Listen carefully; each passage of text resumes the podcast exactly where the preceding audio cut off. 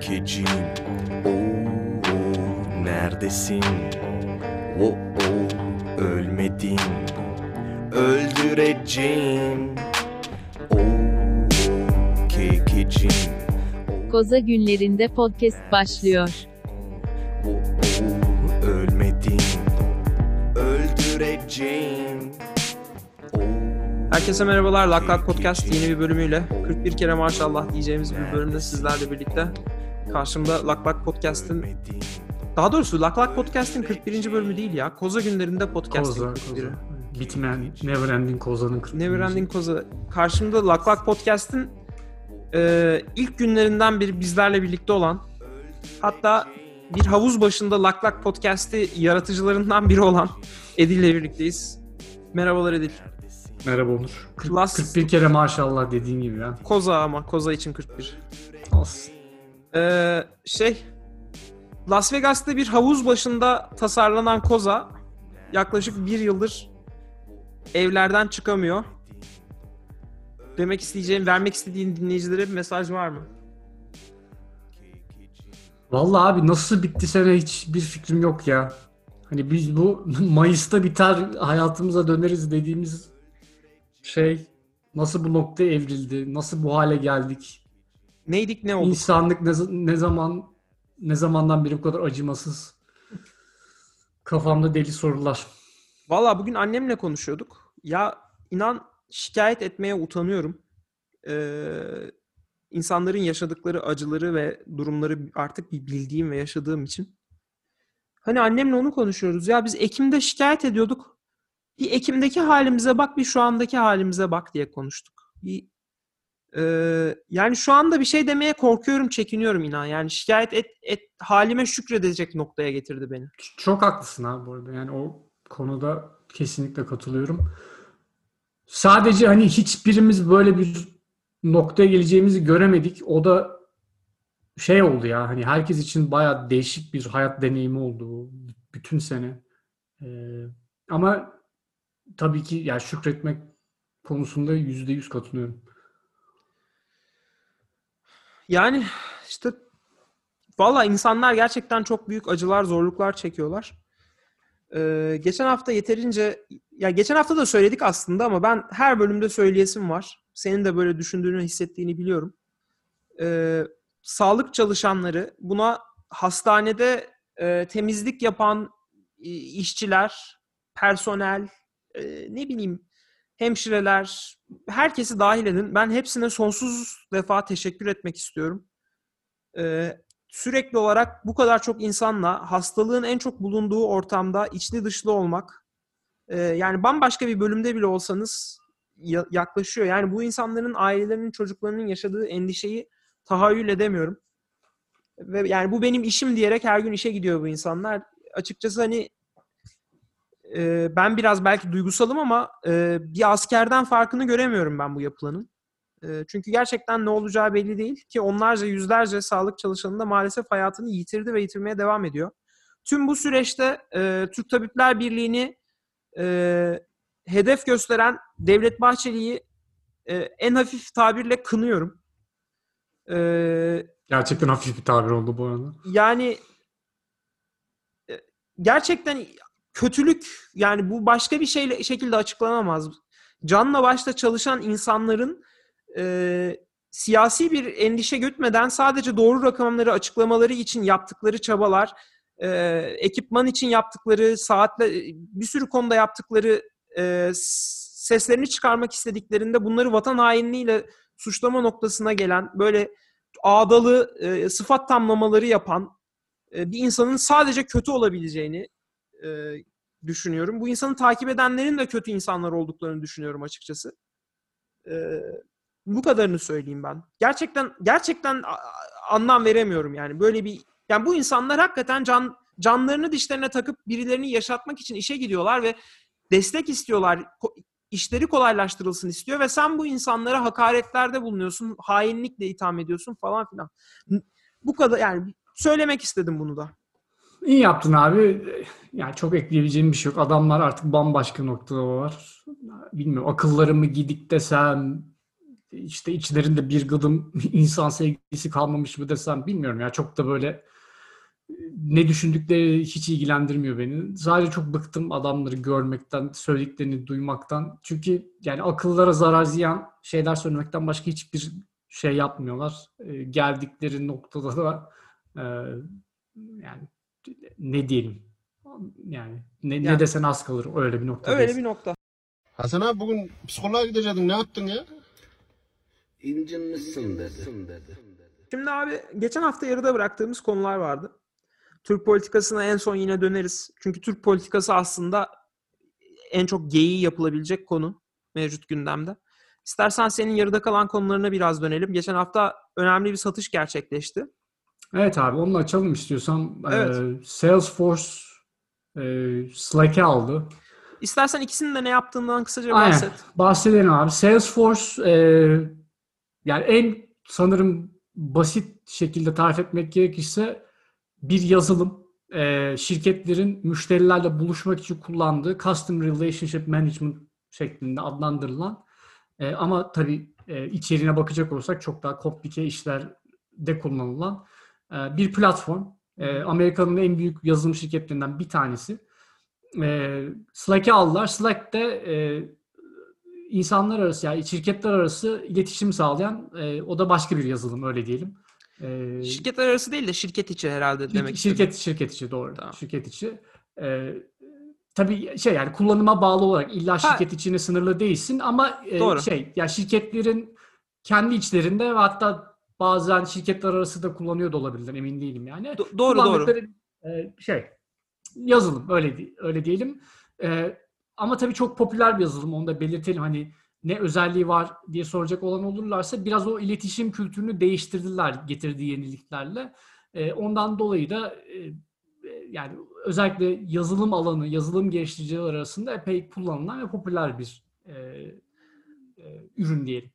Aslında, aslında hani artıları ben çok kullanma fırsatım olmadı ama e, en büyük artısı şimdi yavaş yavaş zaten şeye bir geçiş var. E, Eskiden e-mail atılırdı iş arkadaşları arasında hep. O Evet. biraz sohbete kaymış durumda. Bu biraz daha o sohbeti daha kullanışlı hale getiren, e, iş yapmaya, agile workflow'a biraz daha katkı yapan. Yani bir Evet. Takım arkadaşlarınla proje yürü- yürütürken hızlı bir şekilde iletişim kurmanı sağlayan ve işleri takip edebilmeni sağlayan bir mesajlaşma yazılımı aslında bak. Evet ya e- e-mail'in o formal halini biraz ortadan kaldıran, çok daha hızlı bir şekilde iletişim sağlayabileceğin, e, işte e, eski mesajlara dönmek istediğin zaman e, yine kolaylık sağlayan bir şekilde daha pratik bir çözüm diye adlandırabiliriz. En azından e, yazılım kullananlar için çok daha e, kullanışlılık arz ediyor. Öyle söyleyelim. E, şimdi e, konuya dönecek olursak Salesforce Slack'e aldı dedik. E, çok ciddi bir miktara. 27.7 milyar dolara.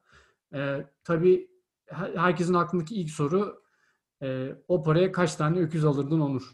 Sen hesaplamışsındır diye tahmin ediyorum.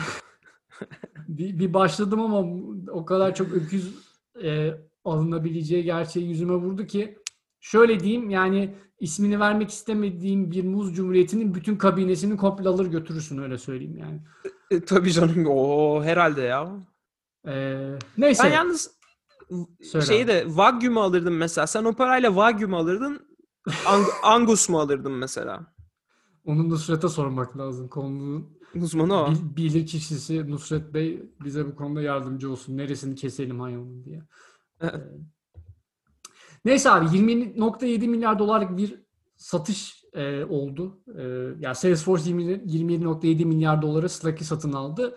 E, tabii çok ciddi bir miktar bu. Hani e, karşılaştırma yapmak gerekirse e, Facebook 2012'de Instagram'ı al 2012 olması lazım. Instagram 1 milyar dolara almıştı. E, 2014'te de WhatsApp'ı 19 milyar dolara almıştı. E, hani ikisinin toplamı bir Slack etmiyor. Buradan da Facebook kaç yılında borsaya açılmıştı? Ee, Çok güzel bir Sanki bunu ezberden söylemen gerekiyormuş gibi bir şey oldu da neyse saç 2000 8 diyesim var da çok sallamış da olabilirim. Yok 8 çok erken. 2008 çok erken. Yok, 8 o mümkün değildir. değil. Çünkü önce Instagram'ı alıp öyle açıldılar ve e, yanlış Aa, hatırlamıyorsam 100 milyar 13 dolarda. 13-14 tarzı bir şey gibi diyecektim ama tahmin bakarız ya. O civarlarda bir şey. Hatta sen bak şu esnada ben de 18 anlatmaya Mayıs devam edeyim. 2012. Tamam 12. 12. Ee, hisse başına 38 dolarla başlamış. Sanırım 100 milyar dolar mı ne öyle bir değere çıkmıştı. Ee, şey e, söyleyeyim abi. Salesforce bu arada e, bu tip firmaları sıklıkla alan bir şirket ya. Ben bakıyordum daha önceden neleri almışlardı. Çünkü tabloyu hatırlıyorum. Tabloyu aldıklarını geçen 2019 Ağustos'ta almışlardı tabloyu. Hı. Onu da 15.7 milyar doları satın almışlar. Tabloda şey e, veri görselleştirmesi için kullanılan bir yazılım. E, şirketlerde bayağı popüler. Çünkü çok basitlik sağlıyor verileri e, şey yapma, görselleştirme konusunda. E, onun harici birkaç tane daha şirket almışlar. Mayıs 18'de e, MuleSoft'u almışlar 6,5 milyar dolara. E, Temmuz 2016'da Demandware almışlar. Neyse yani Salesforce aslında bu tip şeylere çok açık bir şirket. Genelde piyasada böyle iş yapan konuyla alakalı şirketleri toplayıp bünyesine katıyorlar.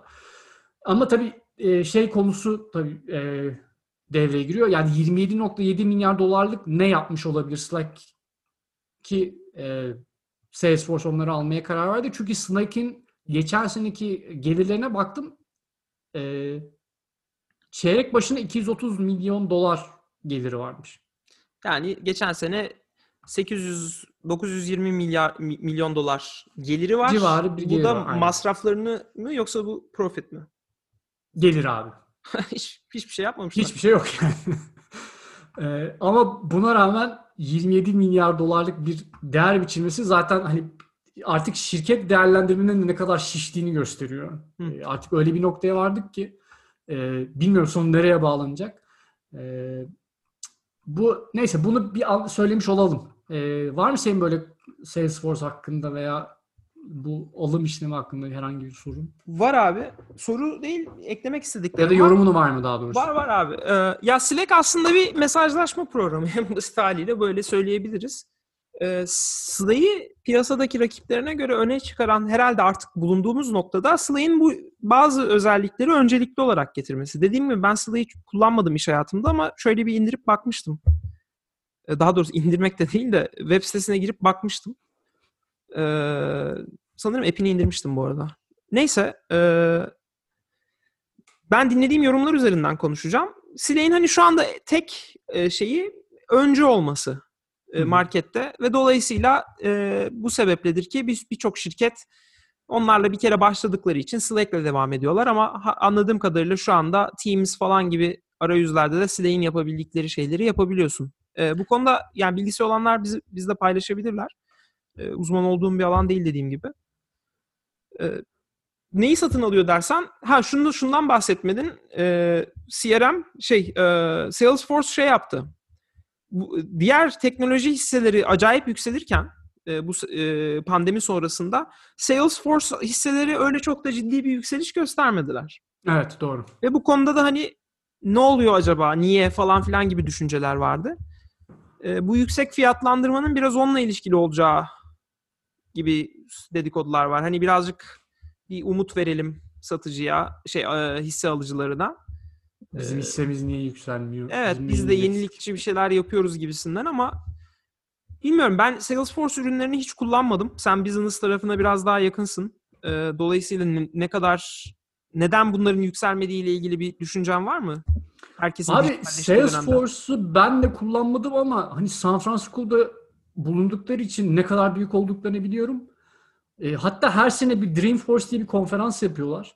E, bu Salesforce'la alakalı her türlü etkinliğin olduğu bir konferans diyebilirim. Senelik bu Apple'ın nasıl ürün tanıtımları oluyor ya o tarz bir şey anladığım kadarıyla. Ben katılmadım da. E, o kadar çok gay yapılıyor ki böyle her o kadar, yani daha doğrusu şu- inanılmaz çok insan San Francisco'ya akın ettiği için e, bir şey sıkıntısı yaşanıyor abi. Kalacak yer sıkıntısı o hafta sonu. Ve bir sene bir cruise ship getirmişlerdi abi insanların kalabilmesi için. O kadar saçma bir hale dönüyordu Keşke ortam. San Francisco'da yapmasalarmış. Ee, bir de zaten San Francisco genel anlamda kiraları pahalı olan bir şehir. Hani otelleri doldurduktan sonra otomatik olarak herkes şeye dönüyor. İşte e, Airbnb bilmem ne böyle hafta sonu için iki günlük e, böyle günlük bin dolardan falan kiralık evler oluyordu öyle diyeyim sana yani. Öyle absürt bir sahne ortaya çıkıyordu. İşte dediğim gibi bir sene cruise ship getirdiler ki millet kalabilsin diye. Ee, öyle de bir şeyi var aslında Salesforce'un büyüklüğü var. Hani bilmeyenler için çünkü Amerika'da daha dominant bir e, ürün diyebilirim. Türkiye ve Avrupa'ya göre bildiğim kadarıyla. Benim bildiğim en büyük kolaylığı abi kullanıcı açısından daha ku- kullanması kolay olması. Yani bir, öyle bir avantaj sağlıyor. Ee, end user konusunda e, çok daha basit ve pratik olduğunu söylüyorlar ama ben birebir kullanmadım açıkçası. Ee, bir de işte Salesforce Tower diye bir kule diktiler San Francisco'ya. Şu anda en yüksek şey ya e, binası San Şu Francisco. yamuk olan bina o muydu? Yok yamuk olan Millennium Tower ya. O şey abi çöküyor şu anda. Her sene bir 10-15 milim falan e, o bayağı yakın orası Salesforce Tower'a. 2-3 blok falan ötesidir. e, Salesforce Tower en yüksek şeyi binası şu anda. Peki ya bir de bu deprem bölgesi abi bu korku, korkutucu bir durum şey ya. O çöken binanın deprem bölgesinde olması. Abi bir de tam böyle downtown'un ortasında bir yerde şey gibi alimallah hepsinin sağında solunda ne varsa indirir götürür yani. Yani şey gibi değil ya. E, Pisa gibi hani böyle yavaş yavaş çöküyor. Risk olduğunda biz durdururuz onu etraftan destekleriz gibi Ya bir şey değil. yok. Çünkü deprem oldu mu zavadak diye. bir de stati, statiğini falan bayağı yanlış hesaplamışlar sanırım ondan çöküyor. Hiçbir şey de yapamıyorlar bu arada. Hani Çok düzeltme de e, yapılam yapılamıyor anladığım kadarıyla ve o evleri böyle 5-6 milyon dolara falan satıyorlardı zamanda. Şey e, apartmanları, apartman daireleri. Süper. Ee, abi şey diye şey düşündüm. Ben aslında senden şey sorumu biraz şöyle cevapladım. Senden aldığım cevabı dinlerken.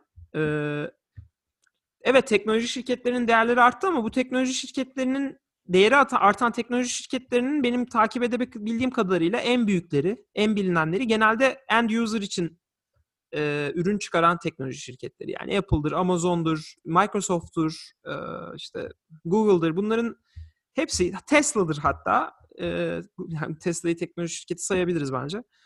Bunların hepsi aslında end user'a hitap ediyor.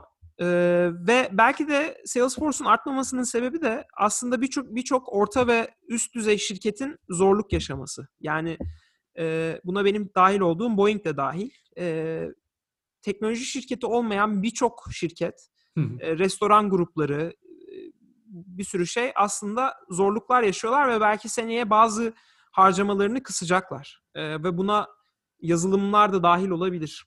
E, ucuz alternatiflere, bedava alternatiflere yönelebilirler. Biz keza zamanında e, eski şirketimde e, tamamen Google Suite'e geçip Microsoft yazılımlarını terk etmiştik. E, yani hiçbir şekilde Word, Office hiçbir şey kullanmayalım. Ya olabilir abi mantıklı çünkü biz ya bizde de aynı durum yaşanıyor. Mesela Slack kullanıyorduk biz. Hı hı.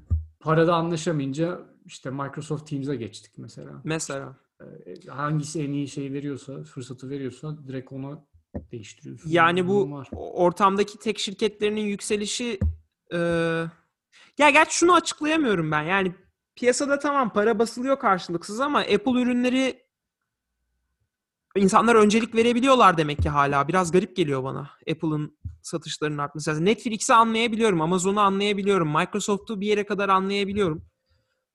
Yani şu olabilir, insanlara daha çok evde oldukları için laptoplarını, mouse'larını, klavyelerini, ekranlarını yenilediler. Onun mutlaka bir etkisi vardır falan. Ee, ama Salesforce'ta tabii bunların hiçbir hiçbiri yok. Belki de end user için bir şeyler çıkarma vakti. Ya evet tabii neticede bunlar business to business çözümler ekseriyetle. B2B. Bilmiyorum eee, hani bizim gibi düz kullanıcıya Salesforce'un şey yaptığı bir ürün var mı ondan emin değilim. Belki vardır da hani genel olarak parayı kazandıkları yer e, şirketler yani diğer şirketler. O yüzden dediğinin etkisi vardır diye düşünüyorum. Yani özellikle bu kriz dönemlerinde pandemi e, bayağı bir şirketi zor duruma soktu. E, olabilir. O da aslında çok enteresan ya. Ben hep şey diye düşünürdüm. B2B'lerin çok daha yağlı ve çok daha kıyak iş olduğunu, milyonlarca insanı ikna etmenin, milyarlarca ürün satmanın çok daha zor olabileceğini. Ee, Yani ama- aslında para para daha çok dönüyor herhalde. Yani biz B2B'de muhtemelen daha fazla para olabilir. Ama Ee, işte garip bir şekilde bu krizde belki de B2B daha çok etkilendi yani. evet bildiğimiz ezberlerin hepsi bozuldu Onur. Bir Doğru. pandemiyle silindi gitti vallahi. Ben bu konuda söyleyeceğim başka bir şey var mı? Başka bir şey yok. Evet yani ana hatlarıyla durum bu. Ee, Hayırlı olsun konu mu diyoruz en son öyle mi Hayırlı kapayalım? olsun ya. Vallahi. Salesforce. Şey, vata, vatana millete e, Ya çok pahalı. De, de sanırım vermek istediğin mesaj o. ya bana da biraz yüksek geldi abi. Hani 27.7 milyar illaki bir şey üzerine oturtmuşlardır bu karar ama sanki biraz kazıklanmışlar mıdır nedir? Peki sence WhatsApp 19 eder miydi alındığı yıl? Ya da 17 mi demiştin? Güzel. 19 olması lazım. 19 milyar dolar. Abi ba- bana hep pahalı geliyor ya. Benim ya biraz dünyam küçük, vizyonum hafif dar olabilir. NBA'de belki bunların NBA'de değil de finans okulunda vardır kesin bunların ya evaluation'ı. abi tabii canım bunların hepsinin valuation'ı falan filan var da abi detaylarına bakmak lazım tabii canım. Biz çok böyle üstün körü geçiyoruz. Ama tabii şey de söylemek gerek yani 27.7 milyar dolar görüp görebileceğin en büyük acquisition'lardan bir tanesi olduğu için e, yani insan bir otomatik olarak e, hocam bu parayı nerede tarlada mı buldunuz da böyle salıyorsunuz gibi bir bakış açısı Gerçi gelebiliyor. öyle de bir durum var değil mi? Böyle e, rakamlar hep o kadar astronomik ve o kadar yukarıdan uçuyor ki sanki hani bir farkı yok gibi. E, işte ha 19 vermiş ha 27 vermiş. Hani sanki kafadan sallıyorlar bu rakamları gibi. Yani o kadar uçuk rakamlar ki. Yani gerçekten oturup biri hesaplayıp efendim biz 20 yıl içinde bu şirketten e, getireceğimiz müşteri sayısı ve bu portföyümüze kapacağımız bilmem nelerden dolayı işte hisse başına 3 sentten bilmem ne kadar e, çıkaracağız. Zartla zurtla e, hesapladık işte efendim bizim getirimiz 28 milyar dolar olacak. O zaman 27.7 milyar dolar teklif edin. Öyle bir Yani Peki doğru bir de abi şey de ya var. pazarlık nasıl dönüyor? İşte o var. Onu tam onu diyecektim. Hani Salesforce'un kafasında bir miktar var ama Slack'te bir kendi çapında değerlendirmesini yapıyor değil mi? O da söylüyor ki hocam yok bu biraz az oldu ya. Sen bunu bir 3-5 yukarı atalım gibi. O pazarlıklar mesela nasıl dönüyor çok görmek isterdim açıkçası. Ya evet mesela mesela Salesforce gidip 27 dediğinde yok kardeş 27.7 bu falan. Hadi enteresan. sıkıştık. 27 7'ye sıkıştık. Hadi hadi tamam tamam. Abi valla bilemiyorum. Ee, bu konu hakkında biraz daha araştırma yapmamız lazım. Şu an hafif cahilce konuşuyor bile olabiliriz ama e, ama yani şeyi de belirtmiş olalım. Genel olarak yorumların hani çok büyük kısmı e, fiyatın ne kadar yüksek olduğundan bahsediyor. E, hani yalnız da değiliz e, muhtemelen bu yorumlarımızda. Ama olayı biraz daha detaylıca incelemekte fayda var ama biz tabii lak lak yani e, o kadar detayını inceleseydim zaten muhtemelen bunu birine satar komisyonumu alırdım yani bu Alırım. yorumlarımı. Doğru diyorsun. Şeye geçelim abi hızlıca. Apple'ın tanıttığı, bugün tanıttığı bir ürün oldu. O yeni şey kulaklıklar. Evet, Air- AirPods Max'i tanıttılar. Kulak üstü. Daha doğrusu pardon, e, kulak etrafını çevreleyen on the ear değil, over the ear. E, kulaklıklar tanıttılar. 550 dolar artı KDV. O da Gibi- çok pahalı Onur. Çok pahalı. Yani şimdi insanlarda şey gibi bir algı var. Ya Türkiye'de zaten pahalı her şey böyle 1000 lira, 2000 lira falan uçuşuyor havada gibi geliyor da 550 dolar gerçekten bir kulaklık için hi-fi kulaklık seviyesine herhalde çıkmaya başlarsın diye tahmin ediyorum. Yani Sennheiser'ların bu dışarıya ses veren 1000 dolarlık modelleri vardı. En üst seviye modelleri diye. Hani o tabii onlar işte o Ben Olufsen'in işte ya da oluyor böyle. Bowers, şey Bowers. Wilkins'in var bir modeli. O da sanırım 450-500 dolar arasındaydı kablosuz modeli. Onda aktif noise cancelling de yoktu. Ya bu çok üst düzey bir seviyeye geçmiş durumda. Şeyi düşündüm bugün. Bir arkadaşıma mesaj attım. Karşılık alamadım maalesef.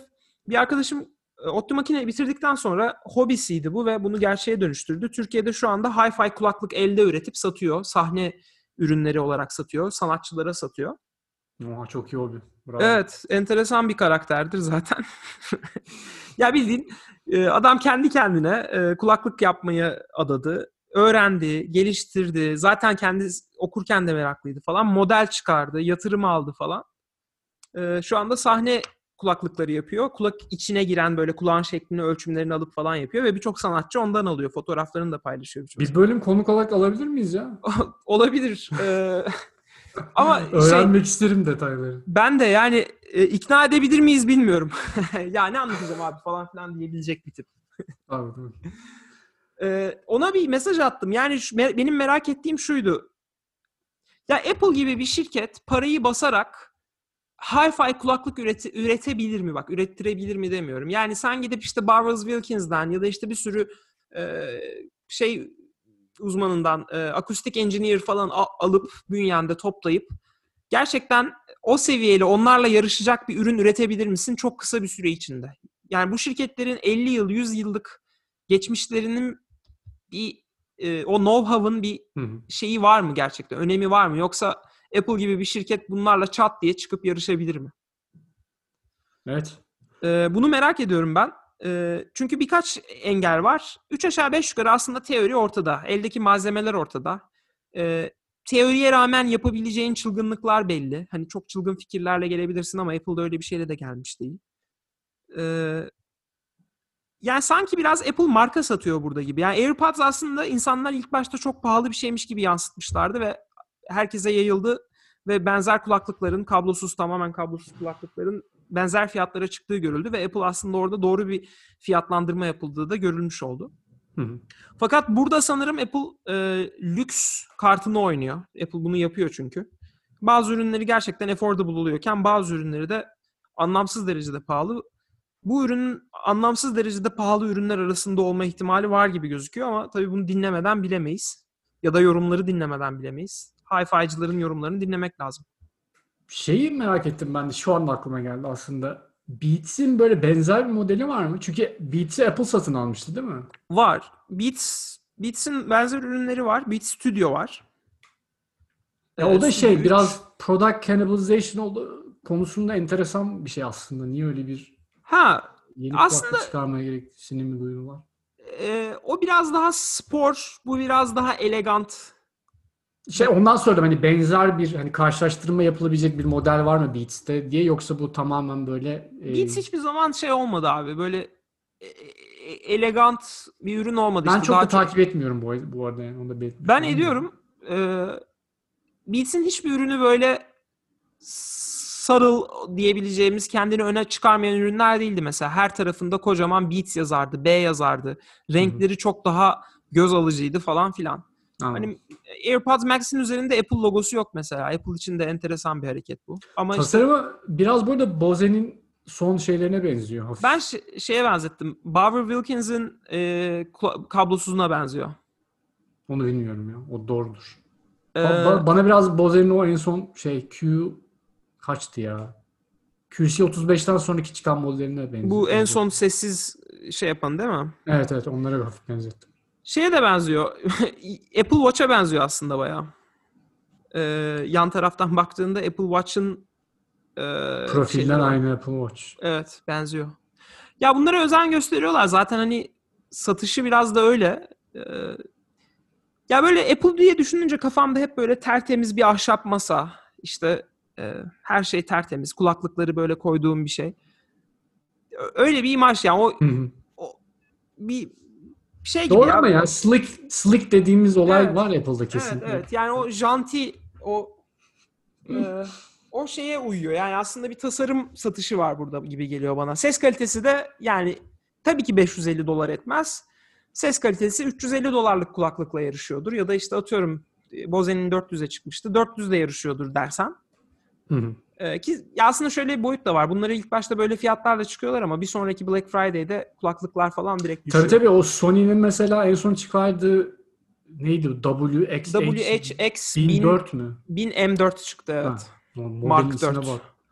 Yapsana şunu aslan gibi Sony Max diye. Ee, Aslında onu ne- şey Mark 4 diyebiliriz yani.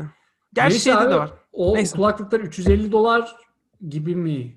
350 dolar civarıydı. Onlar 350'ye çıktılar. Şey 400'e çıktı. E, Bose. Ee, Black Friday'de ne kadara düştü daha ya? Bir, bayağı bir ciddi bir indirim oldu onlarda ya Black Öyle. Friday'de. Öyle. Ben de öyle aldım zaten kendi Sonic kulaklıklarımı. e, bir önceki modelini. Yani şeyde Apple bazı ürünlerde hiç indirime gitmiyor. Aslında bazı dediğim bir tek iPhone'larda diyebiliriz bunu. iPhone dışında saatinde de, e, tabletinde de, laptopunda da indirim gördüm. Ha, monitörde gitmiyor diyebiliriz belki bir de. Yani çoğu ürününde öyle yüksek fiyatla girip indirimde normalde satayım gibi bir kafaları oluyor. Hı hı. 550'ye görüyorsun. Lan bekleyeyim bunu diyorsun. 450'ye görünce iyi fiyat ya ben bunu alayım güzel alet falan deyip alıyorsun ki zaten kafanda da şeyi adjust ediyorsun. Bu aletin ses kalitesi 400-450'likle yarışırı o süreçte adjust ediyorsun. Sonra indirimde alınca çok akıllıca bir şey yaptım zannediyorsun. İnsan mutlu oluyor. Yani tam bir şey ya. Ee, ne derler? En, en basit fiyatlandırma şeylerinden bir tanesi. Ve işe yarıyor abi. Çakallıklarından bir tanesi. İşe yarıyor. Şeyle ilgili sonuçlar çok iyi değil. Ee, geçen hafta onu bahsedememiştim. M1, Apple'ın M1 çipleriyle e, ilk sonuçlar gelmeye başladı. Ee, muazzam bir pil yeteneği olduğu görülüyor. Ee, high efficiency core'ların yani yüksek verimlilik çekirdeklerinin gerçekten fark yarat yani endüstride fark yaratacak kadar e, iyi olduğu gözüküyor. Ben hala şeye şaşırıyorum yani bu iş başlayalı 10 yıldan fazla oldu telefon işinin. Intel'in çıkardıkları işlemcilerde e, e, şeylerinde daha doğrusu e, mimarilerinde bir şekilde düşük verimlilik, daha doğrusu pardon, e, yüksek e, verimlilik e, core'ları entegre edememelerini, bir şekilde bunu becerememeleri garip geliyor. Çok çok ciddi işlerde bile e, Air'da zaten fan yok. Fana gerek kalmadığı, e, Pro'larda da fanların hiç neredeyse çalışmadığı gözlemleniyor ki sanki birazcık underclock da etmişler. Yani fanı çalıştırsalar biraz daha da e, kasabilir aletler gibi. E, şu anda en en çok 12 çekirdeği olan bir alet var. Pardon, en çok 8 çekirdeği olan mı? Yok. Yanlış mı düşünüyorum? 12 miydi 16 mıydı? Karıştı.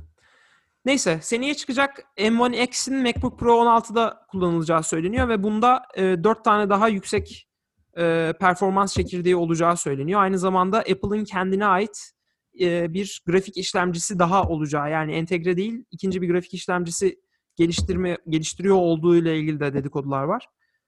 E, yani devrim demek bence çok iddialı ama e, laptopların taşınılabilirliği ve işte boyutları ve kullanılabilirliği konusunda ciddi bir değişikliğe yol açabilir bu. E, yani çünkü eğer performans gerçekten bu kadar iyiyse e, fiyatlar da çok çok çok çılgın değil verdiği performansa göre e, şey yaratacaktır diye düşünüyorum. Rakiplerde zaman- bir e, dinliyorum. Tim, Tim Apple Intel'in kucağına bombayı bıraktı diyebilir miyiz? Birazcık açıkçası Intel bunu hak etti diyebiliriz. Tim, Tim Apple esprin güzel ama e, ya aslında Intel'den yıllardır bunu çözmelerini bekliyor Apple. Intel'in bir çözümünü de kullandılar MacBook Air'larda. M1 diye bir çö- M1 miydi onun da? Intel M miydi? Öyle bir ara bir çözümleri olmuştu. Hı hı. Berbat performans göstermişti. Ee, neyse bir şekilde sanki istediklerini yaptılar gibi ama e, ve şeyde de çok iyi performans olduğunu söylüyorlar. Bu e, bir şekilde e, Intel uygulamalarını şeyde kullanmanı sağlayan Rosetta diye bir uygulamaları var. Rosetta Stone. E, yeni M1 Architecture'ında. Onun böyle acayip iyi ve verimli çalıştığı söyleniyor. Çünkü compile- Rosetta Stone dediğin şu dil Rosetta Stone mu yoksa başka bir şey mi? adı o. Aa, Yani aynı adı Stone herhalde. değil galiba. Rosetta 2. Stone Ha. dille karıştırmış olabilirim. Aa, Apple yazalım. Rosetta Apple. Sanki ona bir gönderme var. Bu arada Rosetta adı niye öyle bir dil çevirme işinde bu kadar kullanılıyor bilmiyorum. Rosetta isminde bir tane de Protein Engineering Software var bu arada. O e, bu Google'ın DeepMind diye bir solution'ı var ya protein e, unfolding'i ya- yapabiliyormuş Hmm. diye. Onlar da Rosetta diye bir şey kullanıyorlar. Ya Apple çünkü Rosetta'yı tanıtırken böyle bir taş üstüne yazılmış yazılar var abi. Rosetta Stone sanırım bizim şey gibi bir şey. Ee, bir bir şey şey mi destanı. var diyorsun arkada? bir, bir yazı bir yazıt. Şey Orhun, yazıtı. Orhun yazıtları gibi. Orhun ha yak dilime gelmedi çok yaşa. Ee, Orhun yazıtlarının İngilizcesi. Öyle bir hikayesi var. Neyse abi o, o da bayağı verimli çalışıyor ki zaten e, yavaş yavaş app yazılımcıları da e, M1, M1 uyumlu halde çıkardıklarında bu laptoplarda işte bütün uygulamalarını da açabileceksin. Dolayısıyla sanki belki de HTTP'nin sonunu getirebilir yani eğer uygulamalarını te- laptop'tan açacaksan ve o arayüzde bir şeyler yazıldıysa sana falan filan. Yani Vay. tercih eder misin bilmiyorum ama işte sen thye.com'a mı gidersin bilet almak için yoksa THY'nin application'ına mı gidersin? gibi bir soru. Niçin? Niçin? Güzel bağladın ha.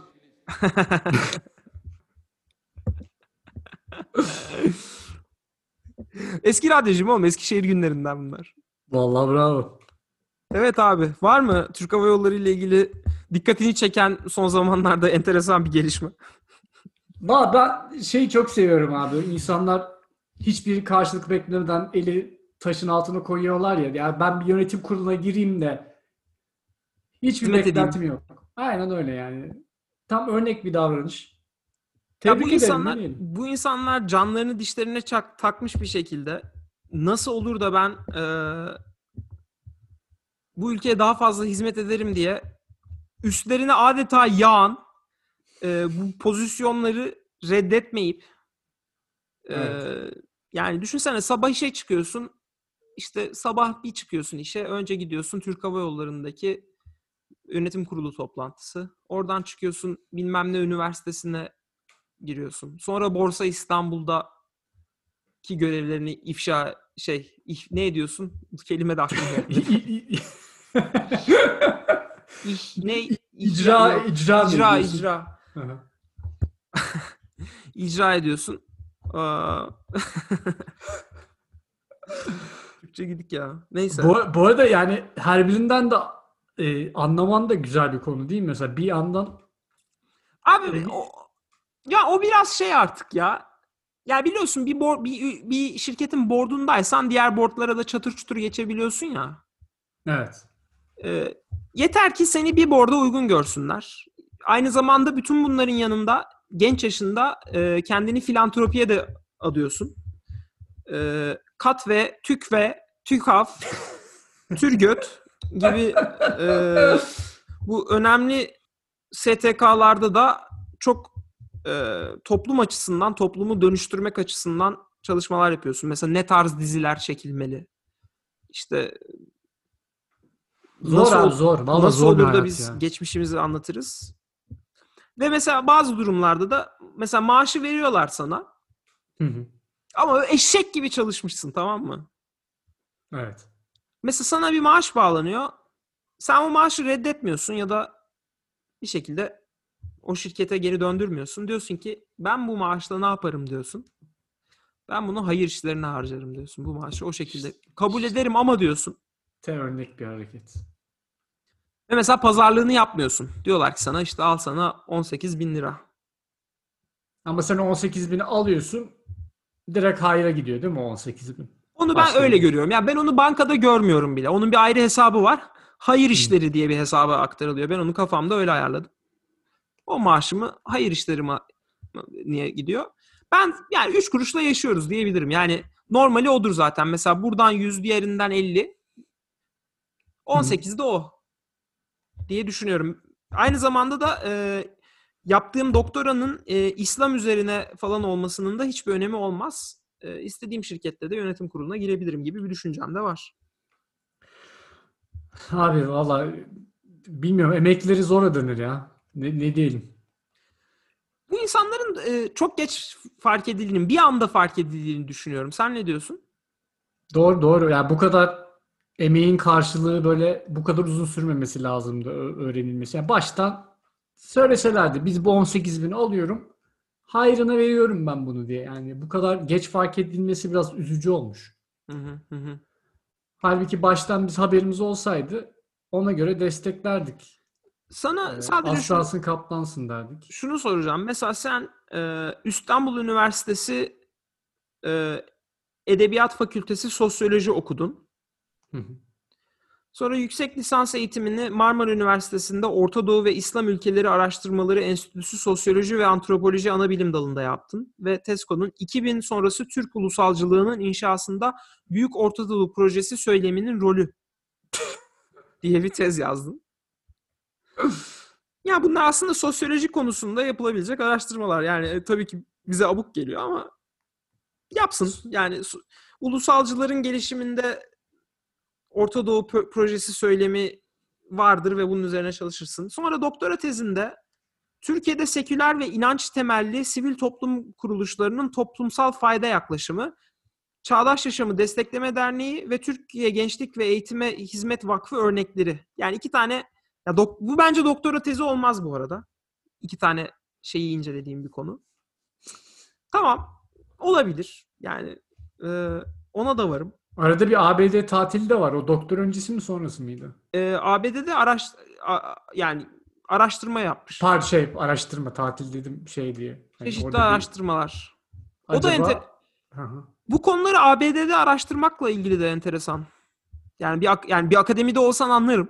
Bir ABD'de bir akademide çalışma olarak yapsan anlarım ama öyle bir şey de yok gibi.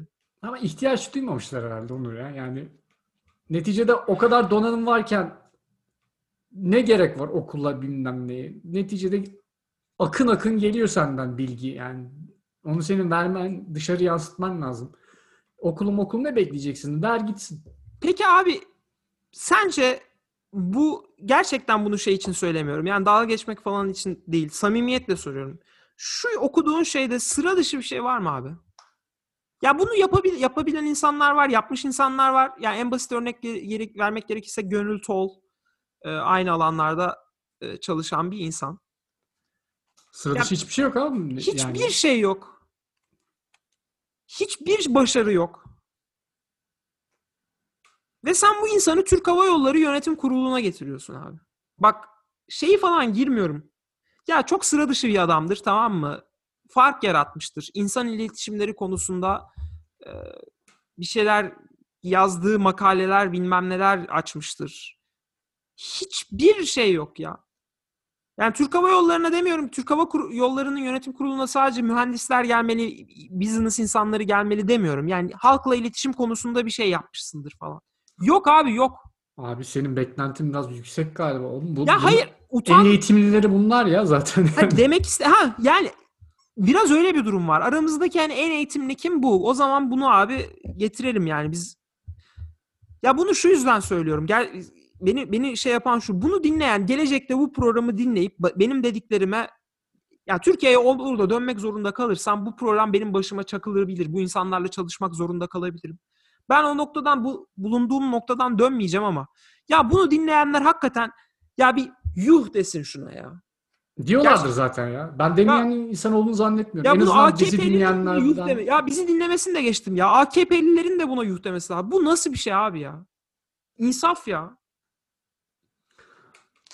Abi ben dediklerine çok inanmıyorum bu arada da neyse. Ha- Haklısın yani dediklerine sonuna kadar katılmakla birlikte ben onları yuh dediklerine de inanmıyorum. Çok da hatta keyifleri yerinde olduğunu düşünüyorum.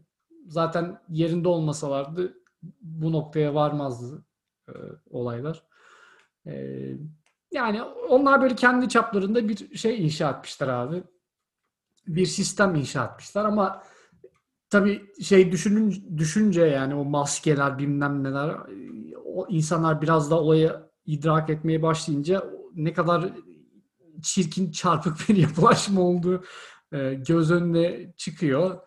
E, işte ne bileyim Marmara Üniversitesi'nin düştüğü içler acısı hal mesela. E, önüne gelene istediğin diplomayı diplomanın verildiği, e, işte çalıntı, çırpıntı tezlerin intihallerden, intihallerden geçilmediği böyle manyak gibi bir ortam oluşmuş. Ondan sonra insanlar Borsa İstanbul'a da gider. Yok Maliye Bakanı da olur, bilmem ne de olur, ıvır da olur, zıvır da olur. Neyse yani.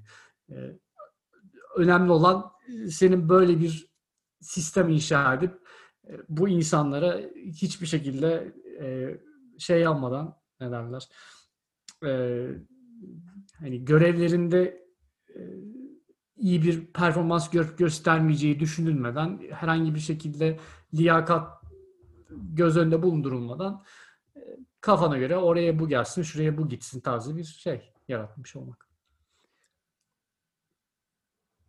Ya şunu bilmiyorum bana gerçekten garip geliyor. Vallahi ne de, ne diyeceğimi bilemiyorum. Yani Garip oğlum zaten. Bu bundan Şeyi daha garip bir şey olamaz zaten. Onu şeyi anlayabiliyorum. Hani biz burada hüküm sürelim, bizim borumuz ötsün. O yüzden kendi adamımızı yerleştirelim anlayabiliyorum. Ama bu pozisyona getirebileceğiniz gerçekten adam kalmadı mı ya? Bizim adamımız gerçekten bu kadar o çember küçüldü mü? Abi bence zaten çember hiçbir zaman çok büyük değildi ya. Yani e, her zaman mal buydu bence.